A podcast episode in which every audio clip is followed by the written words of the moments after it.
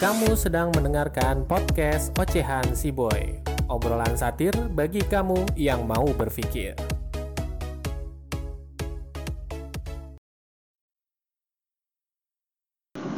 Dengan memperhatikan keadaan di atas, saya berpendapat sangat sulit bagi saya untuk dapat menjalankan tugas pemerintah negara dan pembangunan dengan baik.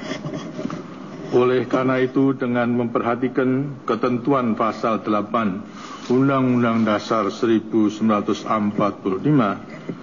dan setelah dengan sungguh-sungguh memperhatikan pandangan pimpinan Dewan Perwakilan Rakyat dan pimpinan fraksi-fraksi yang ada di dalamnya, saya memutuskan untuk menyatakan berhenti dari jabatan saya sebagai Presiden Republik Indonesia terhitung sejak saya bacakan pernyataan ini pada hari ini Kamis 21 Mei 1998. Ya, kembali lagi bareng gue dalam podcast Ocehan Si Boy. Seperti janji gue di episode sebelumnya, bahwa kali ini gue masih membahas tentang reformasi ilusi part kedua di mana tepat hari ini 21 Mei 22 tahun yang lalu terjadi sebuah sejarah yakni tumbangnya rezim Orde Baru yang ditandai oleh pembacaan pidato pengunduran diri dari Presiden Soeharto yang tadi udah sama-sama lu denger di awal podcast tadi ya. Lalu yang pengen gue bahas di sini adalah belakangan ini kan banyak meme atau meme ya bacanya. Belakangan ini kan banyak meme tentang gambar Soeharto yang bertuliskan Pie kabarele penak zaman guru. Ya memang gue akui bahwa banyak hal-hal positif juga yang dilakukan oleh Soeharto selama 32 tahun kepemimpinannya pasti ya mana dia juga dikatakan sebagai bapak pembangunan Indonesia menurut sejumlah pihak entah itu klaim semata ataukah memang faktanya seperti itu ya kita bisa melihat dari data aja karena data adalah fakta. Bagaimana pada saat kepemimpinan Soeharto itu apakah memang Indonesia lebih baik ataukah justru lebih buruk buruk daripada periode sekarang. Di masa Presiden Soeharto sebagai generasi yang menikmati sedikit kejayaan Orde Baru, menurut gue hal yang gue ingat itu adalah dulu waktu gue SD itu kita dikasih perbaikan gizi lah katakannya itu kita dikasih susu Milo hampir setiap pekan, tepatnya di hari Jumat atau Sabtu gitu. Ya, sebuah hal yang mungkin sekarang nggak ada. Lalu ketika zaman Soeharto itu tayangan televisi banyak yang bagus. Ya, salah satunya mungkin adalah Sidul Anak Sekolahan yang hingga saat ini masih diputar-putar ulang, diputar-putar ulang oleh RCTI lalu juga ada keluarga cemara, dan tentunya pasti seperti yang udah gue singgung di podcast sebelumnya, banyak kartun-kartun minggu pagi yang memanjakan anak-anak pada saat itu. Lalu di masa Presiden Soeharto itu apa-apa murah katanya. Tapi hal itu sebenarnya hal yang wajar karena nilai tukar rupiah terhadap dolar hanya sekitar 2000 hingga 2500 stabil di angka itu setidaknya sampai sebelum krisis moneter yang terjadi di tahun 1997. Bahkan gue masih inget banget waktu kecil, gue pernah isi bensin sama bokap gue, dan gue masih ingat waktu itu harga premium itu hanya 700 rupiah, dan harga solar itu hanya 500 rupiah, bandingkan dengan harga yang sekarang. Tapi juga menurut gue, nggak semuanya tentu ada pro kontra, tentu ada plus minusnya. minusnya di pemerintahan Soeharto adalah kita sama sekali nggak mempunyai kebebasan berekspresi. Kenapa? Karena pada saat itu semua yang menghina presiden, semua yang menghina pemerintahan itu dianggap sebagai suatu pengkhianatan oleh negara. Atau seperti itulah istilahnya. Karena berlaku undang-undang subversif yang dilakukan dengan alasan untuk menjamin kestabilan politik di masyarakat. Ya. Jadi jangan coba-coba lu menyindir ataupun lo menyinggung Presiden Soeharto pada saat itu ataupun pemerintahan yang pasti lo nanti akan dijemput oleh aparat berwenang dan mungkin lo juga akan hilang seperti uh, Wiji Tukul dan kawan-kawan mungkin. Lalu jeleknya di pemerintahan Soeharto adalah pemilu yang semestinya menjadi aspirasi masyarakat untuk berdemokrasi pada saat itu hanya kamuflase. Kenapa? Pemilu pada saat Orde Baru itu disederhanakan menjadi hanya tiga peserta ya, dua partai politik dan satu apa ormas mungkin ya. Jadi dua partai politik ini adalah Partai Persatuan Pembangunan atau yang kita kenal dengan P3 dan yang kedua PDI Partai Demokrasi Indonesia. Belum ada perjuangannya pada saat itu ya. Masih PDI yang ormasnya satu adalah Golkar. Untuk informasi sebelum 99 Golkar itu bukan sebuah partai politik. Golkar itu adalah semacam perkumpulan bagi para PNS dan juga ABRI yang membentuk golongan karya atau awalnya adalah sekretariat bersama golongan karya. Jadi Golkar itu sebelum 99 itu belum jadi partai politik. Meskipun ada tiga peserta pemilu, cuman kita semua sama-sama tahu bahwa pada endingnya yang menang ya si kuning itu alias Golkar. Kenapa? Karena semua PNS, semua ABRI, pada saat itu ABRI punya hak politik untuk terjun, itu pasti pilih Golkar. Sehingga lu bayangin, lu adalah presiden dan semua yang ada di parlemen untuk mendukung lu adalah ya orang-orang yang lu tempatin di situ, orang-orang Golkar dan ABRI.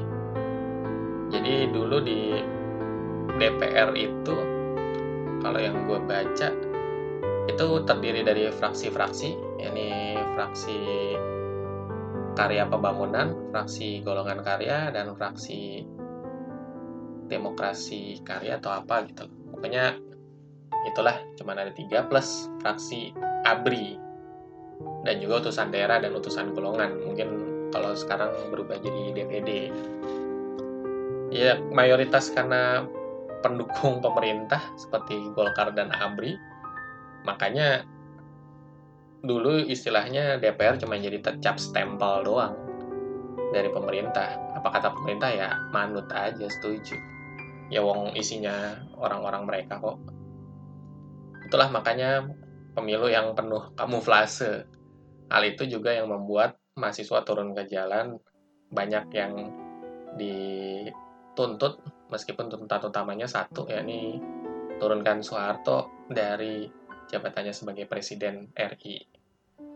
Mereka juga menuntut agar pemerintahan lebih demokrasi, tidak ada lagi pembungkaman suara-suara yang kritis terhadap pemerintah, di mana hal ini dilakukan oleh presiden ketiga selanjutnya, yakni B.J. Habibie.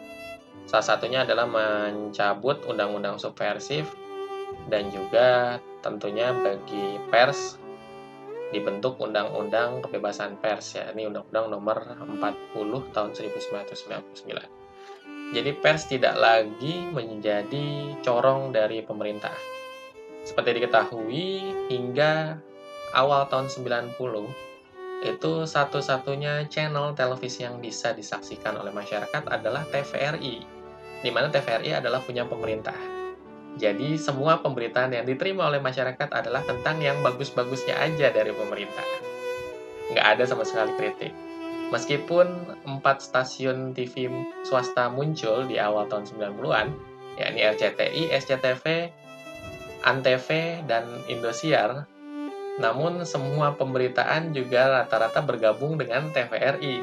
Bahkan dulu gue masih ingat banget setiap jam 7 dan jam 9 itu semua stasiun swasta tersebut, keempat stasiun swasta tersebut itu harus merelay berita dari TVRI. Jam 7 berita malam, jam 9 adalah dunia dalam berita. Dan lu bayangin dong saat lu lagi seru-serunya nonton sinema emas pada saat itu di RCTI. Jadi film-film yang tayang tahun 90-an tuh diputar di RCTI dulu. Misalnya Jurassic Park gitu. Lagi asik-asiknya nonton Jurassic Park harus di-cut dengan dunia dalam berita.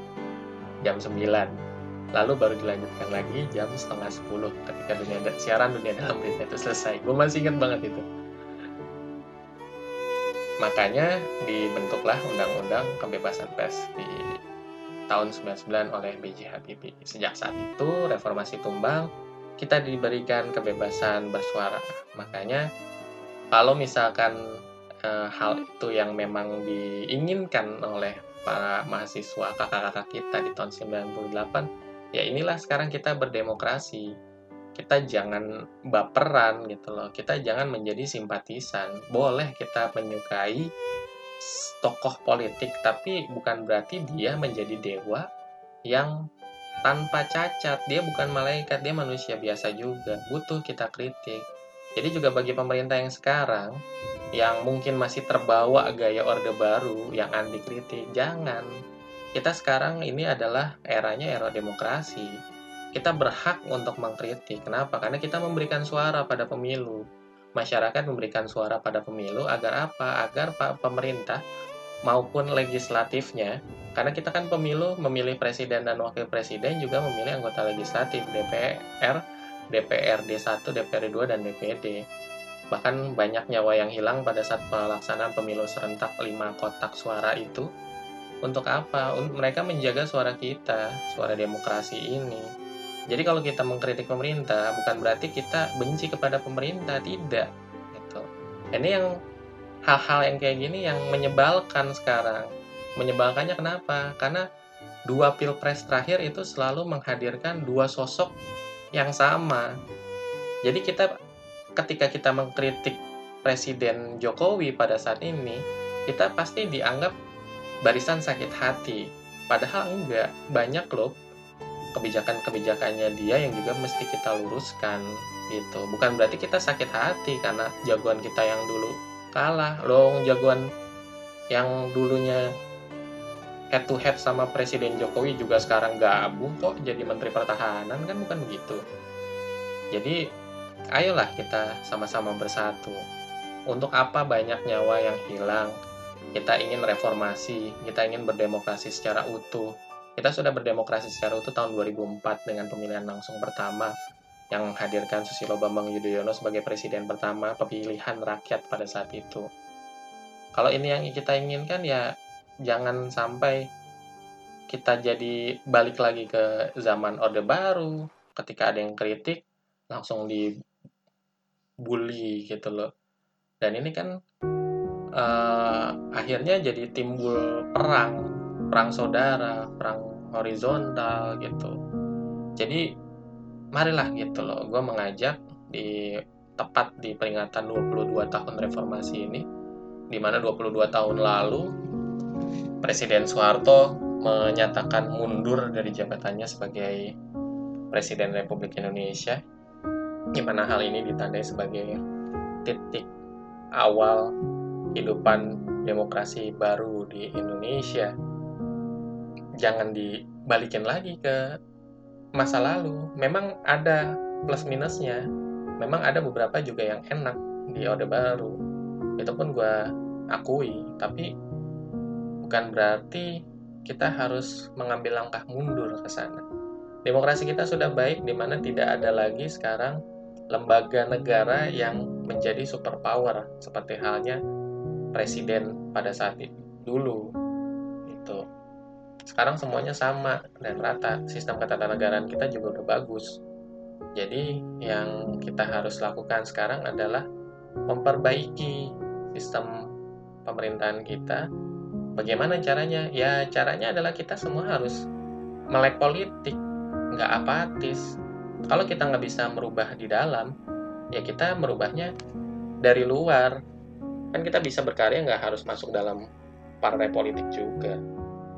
Karena memang menurut gue, gue sendiri mengakui bahwa partai politik ataupun elit politik saat ini belum ada yang gue lihat benar-benar ingin memperbaiki negara. Semua bertindak pragmatis, hanya untuk kepentingan semata. Politik bisnis lah, politik dagang sapi.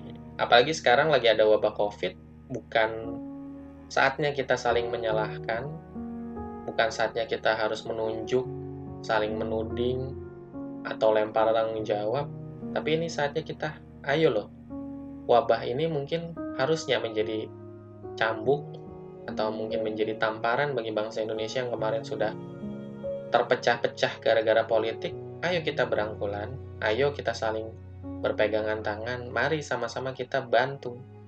Kita sama-sama menjadi pemrakarsa agar agar bagaimana caranya penularan COVID-19 ini tidak semakin banyak, bahkan kalau bisa menghilangkan wabah ini selama-lamanya dari bumi Indonesia. Itu aja pesan dari gue dan sampai jumpa di episode podcast gue selanjutnya.